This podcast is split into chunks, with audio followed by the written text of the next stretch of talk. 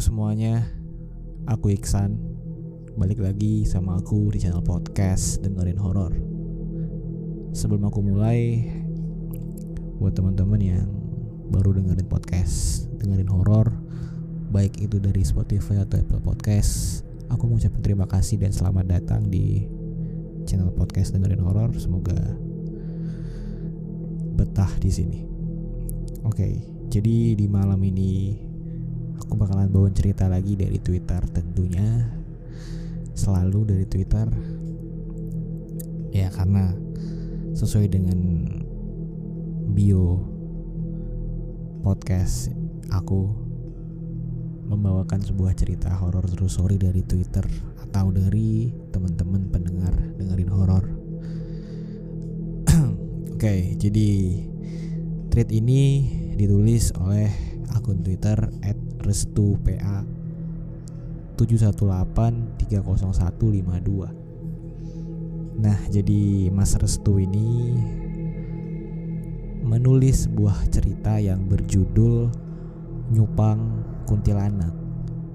Mungkin teman-teman kalau dengerin kata nyupang ya kalau nggak kalau nggak mikirin tentang melihara ikan cupang ya satu lagi ya ke arah sana. Tapi ini enggak ini ini kan cerita horor ya. Jadi maksud dari nyupang kuntilanak ini maksudnya pesugihan kuntilanak. Jadi aku ada baca beberapa rap rap atau balasan dari orang-orang di Twitter. Katanya nyupang itu bahasa Banten ya. Orang-orang Banten atau orang-orang Jabodetabek nyebut pesugihan itu nyupang. Mungkin beda ya bahasanya. Oke jadi tentang pesugihan kuntilanak atau nyupang kuntilanak. Kita mulai aja. Brebes tahun 2005 Suasana haru meliputi sebuah keluarga yang dilanda cobaan berat dengan meninggalnya seorang bayi berusia 14 hari. Bayi itu ditemukan telah tewas dengan luka mengenaskan di sekujur tubuhnya. Sebelum tewas, bayi itu dikabarkan telah menghilang hingga lebih dari tiga hari. Banyak yang mengira bayi ini tewas akibat dari tumbal kuntilanak yang tengah mewabah di desa tersebut. Hal ini ditandai dengan eksistensi nyupang saat berkesan bagi orang-orang yang ingin kaya. Jadi orang-orang yang mau kaya biasanya ya nyupang kuntilanak atau pesugihan kuntilanak. Pak, aku takut yang melakukan pesugihan itu udah banyak. Bayi-bayi banyak yang hilang, ucap Bu Silvi. Sama-sama, yang nyupang itu harus dibunuh, ucap Pak Dani. Bu Silvi dan Pak Dani selaku dari warga desa merupakan orang-orang yang ikut prihatin dalam tragedi nyupang itu. Banyak warga yang mengira desanya terkena target nyupang oleh seseorang yang berada tidak jauh dari tempatnya atau dalam hal lain pelaku dari nyupang pesugihan tersebut merupakan tetangga desanya. Setiap rumah kini terpasang berbagai jimat untuk pengusiran. Ada yang menggunakan maaf celana dalam wanita atau menggunakan ulaman gabah yang dibakar, kait yang dikaitkan oleh kain yang dikaitkan lalu dibakar. Hmm. Berbagai cara warga melakukan hal itu untuk menetralisir serangan kuntilanak jadi-jadian yang notabene dipergunakan untuk nyupang. Sehingga warga lebih dulu melakukan kewaspadaannya terkait hal itu dengan menggarisbawahi belajar dari kesalahan. Kisah ini merupakan kisah nyata yang mana penulis telah bersepakat kepada narasumber untuk menceritakan kembali. Apabila ada sesuatu yang membuat ketidaksukaan terhadap pandangan masyarakat, mohon maaf sebesar-besarnya. Bu Silvi menuju rumah warga yang anaknya kedapatan kecolongan dan ditemukan tewas. Bagaimana Yu kejadiannya? Aku kepo. Tanya Bu Silvi.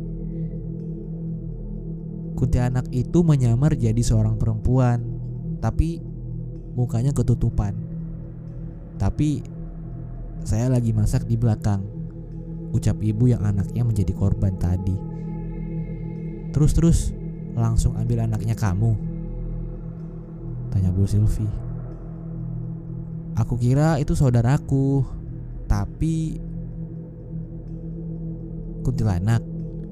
Iya, kuntilanak langsung hilang. Kedengarannya suara nangisnya aja. Aku langsung lari, terus si anak udah hilang. Ucap ibu tadi. Hingga akhirnya keberadaan bayi itu menghilang dan ditemukan setelah tiga hari pencarian. Bayi itu ditemukan sudah dalam keadaan tewas Hal ini menjadi sebuah gebrakan hebat bagi desa serta seluruh warga. Perhatian semuanya, untuk malam ini dan seterusnya, kita harus saling berjaga-jaga. Jangan sampai kuntilanak jadi-jadian itu mengambil bagian terpenting dari kita, yaitu keluarga kita sendiri ucap Pak RT ketika mengumumkan perihal kewaspadaan mengenai kuntilanak itu. Anak kecil dilarang keluar melebihi jam 9 malam. Seluruh rumah ditutup rapat-rapat, jangan sampai ada yang berlalu lalang keluar rumah. Kita tahan dulu sampai keadaannya benar-benar membaik, ucap Pak RT. Kemudian para warga pun menyetujui solusi itu. Para warga yang tergabung dalam gabungan keamanan serta dibantu oleh seperangkat keamanan desa lainnya pun berjaga-jaga tiap ada warga yang mau melahirkan. Mas, tahu nggak? Kabarnya kuntilanak itu keluar setiap ada orang yang mau melahirkan. Ucap warga kepada Pak Dani. Pak Dani sendiri memiliki anak laki-laki bernama Rangga dia mengira bahwa yang dikatakan warga itu ada benarnya, yaitu hanya mengambil bayi saja. Apa iya, Pak? Aku khawatir kalau kuntilanak itu mengambil anak kecil selain bayi. Ucap Pak Dani. Yo, aku nggak paham. Cuma itu pikiran aja. Pikiran aku aja. Jawab warga tadi. Mas, kuntilanak itu benar-benar jadi-jadian? Tanya Pak Dani. Yang aku dengar-dengar, katanya ada warga desa tetangga yang pesugihan kuntilanak. Jawab warga tadi. Bedanya pesugihan tuyul sama kuntilanak bagaimana mas? Kalau tuyul, majikannya bebas artinya mudah dilepaskan. Tapi kalau kuntilanak kadang bisa membunuh diri sendiri. Artinya itu tumbalnya keluarganya. Iya, iya, benar. Kira-kira seperti itu. Jelas warga tadi. Lambat laun, obrolan mereka terbawa suasana. Angin yang membuat bulu kuduk merinding mereka berdiri menjadi sebuah pertanda bahwa ada sesuatu yang mendatangi mereka. Seorang wanita dengan wajah tertutup menghampiri Pak Dani dan Pak Yogi warga tadi. Dia menanyakan sesuatu hal mengenai keberadaan seseorang. Mas, mohon maaf.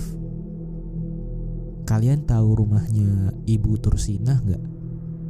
Tanya wanita itu. Mbaknya dari mana ya malam-malam begini ke desa kami? Saya dari kota mas. Kebetulan Ibu Tursinah adalah kerabat dekat saya.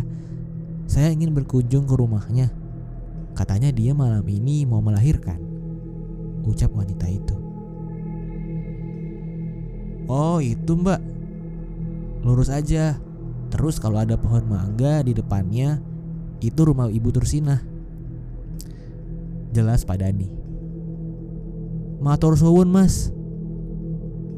Nggih sami-sami. Wanita itu melanjutkan perjalanannya dengan membawa sebuah tas hitam mirip seperti orang baru berpergian jauh. Pak, pak, kok hawaku merinding ya? Tanya Pak Yogi. Sama. Kira-kira siapa ya wanita tadi?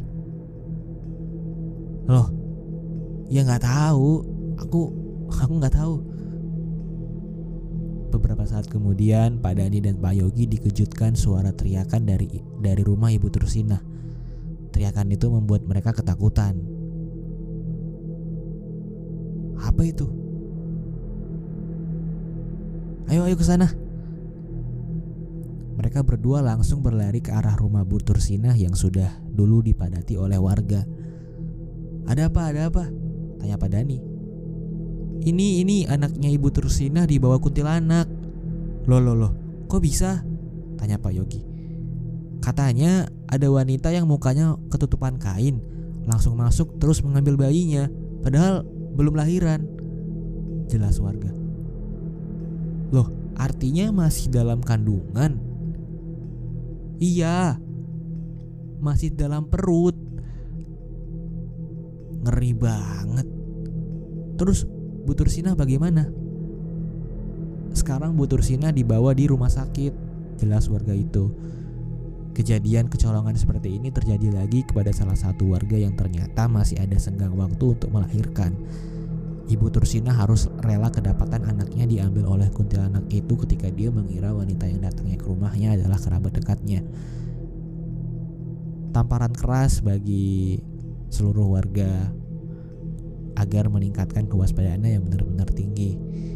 Para warga saling berjaga-jaga bahkan tidak segan-segan untuk melakukan melekan.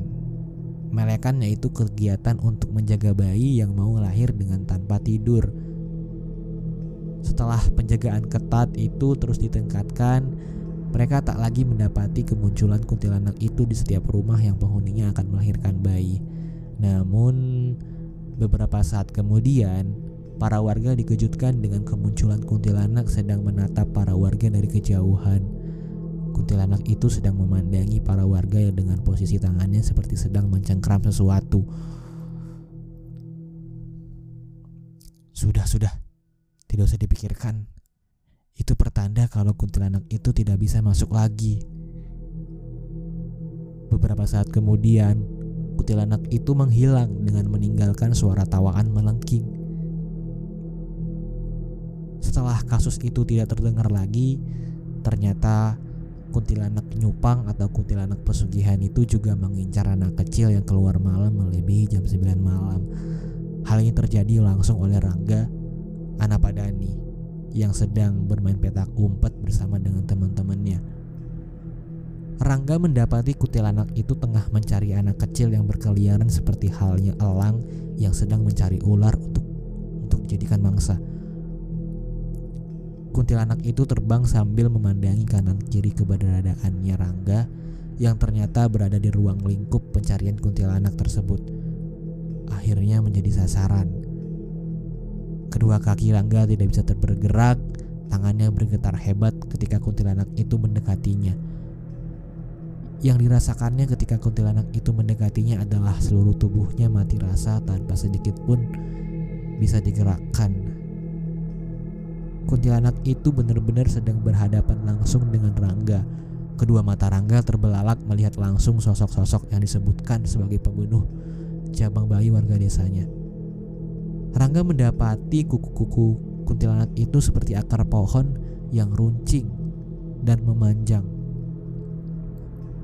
Bersama dengan itu, kuku-kuku itu memegangi wajah Rangga dengan lembut Suara mengerikan yang dihasilkan dari kuntilanak itu membuat Rangga tak bisa berkutik. Beruntung dirinya kedapatan oleh ayahnya yaitu Pak Dani serta para warga yang sedang mencarinya. Kuntilanak itu terbang kembali dan meninggalkan Rangga yang sedang megan yang sedang mematung lemas di tengah semak-semak. Setelah Pak Dani mendekati, Rangga telah pingsan terlebih dahulu. Seluruh tubuh Rangga menjadi demam. Hal ini membuat Dani atau Pak Dani membawa Rangga menuju Ustadz atau ustadz yang yang berada di dekat rumahnya. Alhasil Rangga bisa disembuhkan dengan cepat. Ustadz itu berpesan, setiap rumah warga sehabis maghrib dibiasakan untuk membaca Al-Quran serta tidak keloyoran keluar untuk melakukan yang tidak untuk melakukan kegiatan yang tidak senonoh. Semenjak saat itu, teror nyupang kuntilanak atau pesugihan kuntilanak tidak pernah didengar oleh warga Brebes. Namun banyak warga yang percaya bahwa pelaku pesugihan tersebut meninggal dunia karena perjanjian yang terikat dirinya oleh kuntilanak tidak terpenuhi, yaitu harus menumbalkan seorang bayi agar si pelaku bisa selamat. Namun semenjak penjagaan ketat dan saran dari ustadz mengenai membaca Al-Quran, pelaku tak bisa lagi memasuki desa yang dimaksud. Alhasil, dia sendirilah yang dijadikan korban perjanjian dari nyupang kuntilanak atau pesugihan kuntilanak tadi. Cerita ini diceritakan oleh Rangga yang merupakan anak dari Padani yang dan dituliskan kembali oleh Wira. Terima kasih, semoga kalian suka dan cerita singkat ini. Oke, sudah selesai. Terima kasih teman-teman dari aku juga yang sudah mendengarkan sampai habis. Uh, by the way, buat teman-teman yang dengerin di Apple Podcast, aku minta tolong buat ngasih star dan reviewnya bisa dengan memberi saran dan kritik atau bisa juga dengan memberi bintang ya. Berapapun itu, aku sangat menghargai. By the way, yang ada di Spotify, terima kasih sudah memfollow dan sharing ke teman-temannya. Aku Iksan. Sampai jumpa lagi di episode berikutnya. Bye.